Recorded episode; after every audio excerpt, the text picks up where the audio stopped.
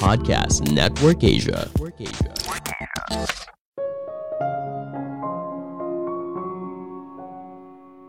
Cara sederhana untuk menarik perhatian seseorang adalah lakukan sesuatu di luar kebiasaan atau hancurkan polanya. Halo semuanya, nama saya Michael. Selamat datang di podcast saya, Sikutu Buku. Kali ini saya akan bahas buku Mad to Stick karya Chip Hit dan Dan Hit. Sebelum kita mulai, buat kalian yang mau support podcast ini agar terus berkarya, caranya gampang banget. Kalian cukup klik follow Dukungan kalian membantu banget supaya kita bisa rutin posting dan bersama-sama belajar di podcast ini. Buku ini membahas apa yang membuat sebuah ide atau gagasan bisa viral. Sebuah kebohongan bisa dengan mudah tersebar luas, sedangkan sebuah ide yang bagus sulit sekali diterima. Kenapa? Mungkin saja kebohongan itu memiliki dua hal yang penting, yaitu sebuah informasi yang berkesan dan ada orang yang membagikan informasi itu kepada orang lain. Menariknya, kita tidak selalu berpikir dengan logika, tapi dengan perasaan. Ketika kita ingin mendorong seseorang untuk melakukan sesuatu atau menerima ide yang kita sampaikan, kita harus bisa menyentuh sisi emosionalnya. Saya merangkumnya menjadi tiga hal penting dari buku ini. Pertama, rahasia ide yang viral. Ketika bicara sebuah ide, kita sering kali terjebak untuk menjelaskan sebuah hal itu terlalu detail. Sayangnya, hal ini malah kontraproduktif.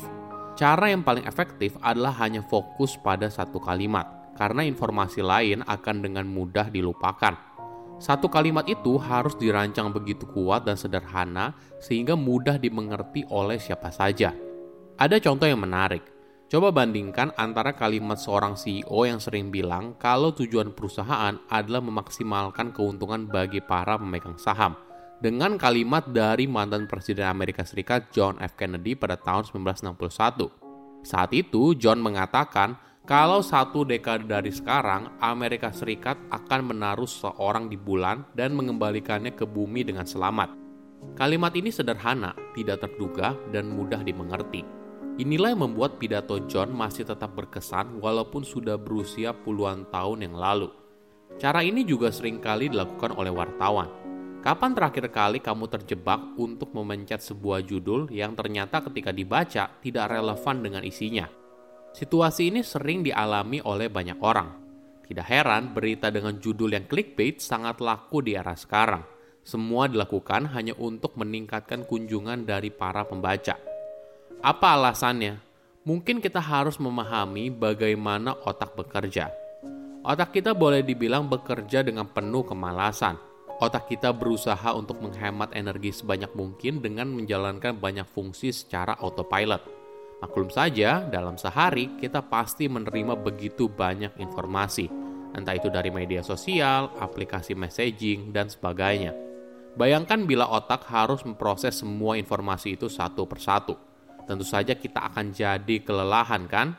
Jadi, otak secara tidak sadar hanya memproses informasi yang berada di luar kebiasaan.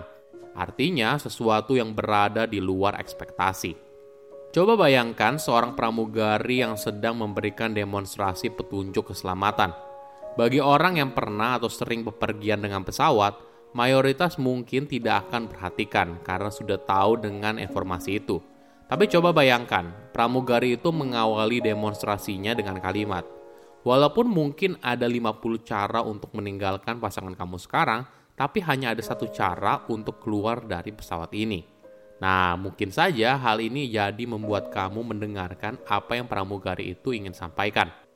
Sama halnya ketika awak kabin Citylink menghibur para penumpang dengan pantunnya. Tentunya pengalaman ini menjadi suatu bagian yang tidak terlupakan.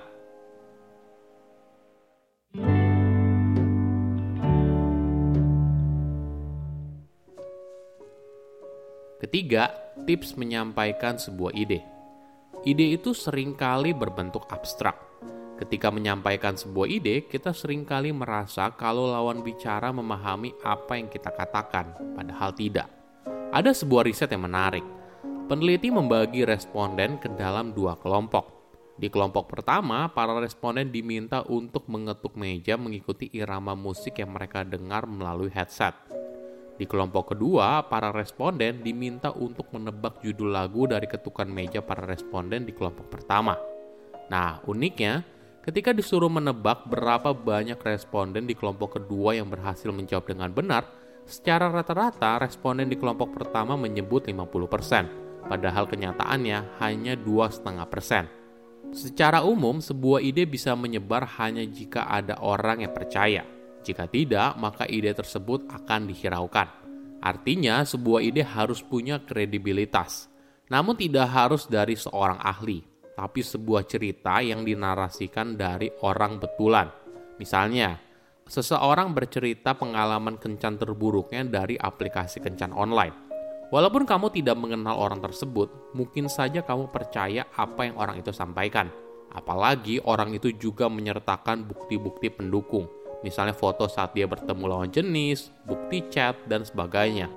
Semua hal ini membuat kamu tambah yakin atas apa yang dikatakan karena adanya kredibilitas. Cara lain yang menarik adalah dengan menggunakan statistik sebagai perbandingan. Menteri Keuangan Sri Mulyani sering kali menggunakan teknik ini untuk menjelaskan poin yang ingin disampaikan.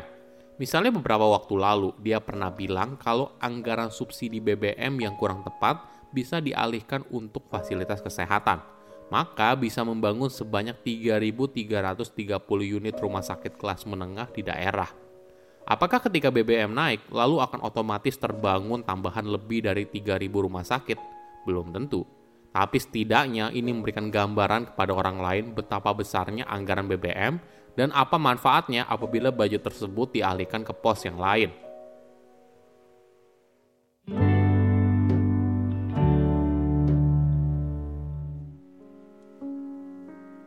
Ketiga, rasional atau emosional.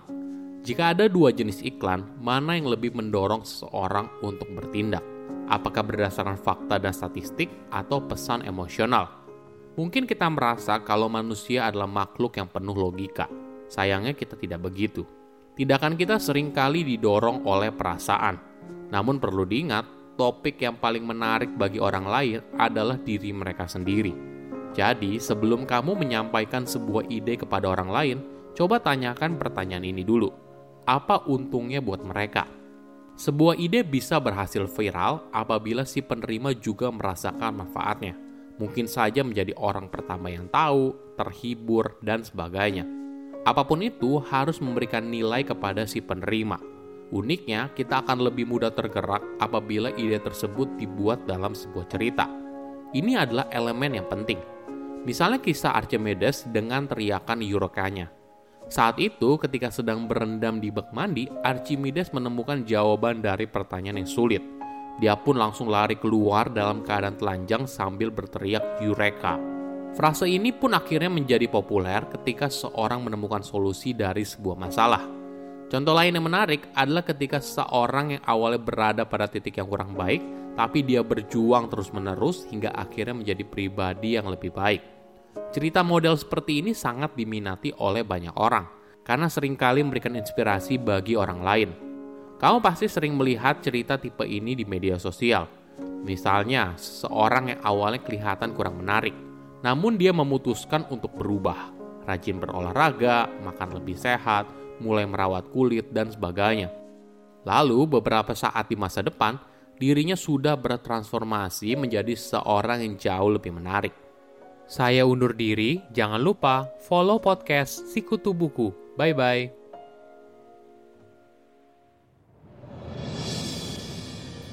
Halo, gimana episode barusan? Semoga suka ya. Abis ini mau nggak dengerin cerita seru dari Dewa Dewi Yunani? Nah, pas nih, buat kalian para pecinta mitologi Yunani, langsung aja mampir ke podcast Mitologi Santuy. Di sini kamu bisa dengerin cerita-cerita dari mitologi Yunani yang seru, tapi dibawakan secara santai, jadi nggak bakalan bosen. Ditunggu ya di podcast Mitologi Santuy. Pandangan dan opini yang disampaikan oleh kreator podcast, host, dan tamu tidak mencerminkan kebijakan resmi dan bagian dari podcast Network Asia. Setiap konten yang disampaikan mereka di dalam podcast adalah opini mereka sendiri dan tidak bermaksud untuk merugikan agama, grup etnik, perkumpulan, organisasi, perusahaan, perorangan, atau siapa pun dan apa pun.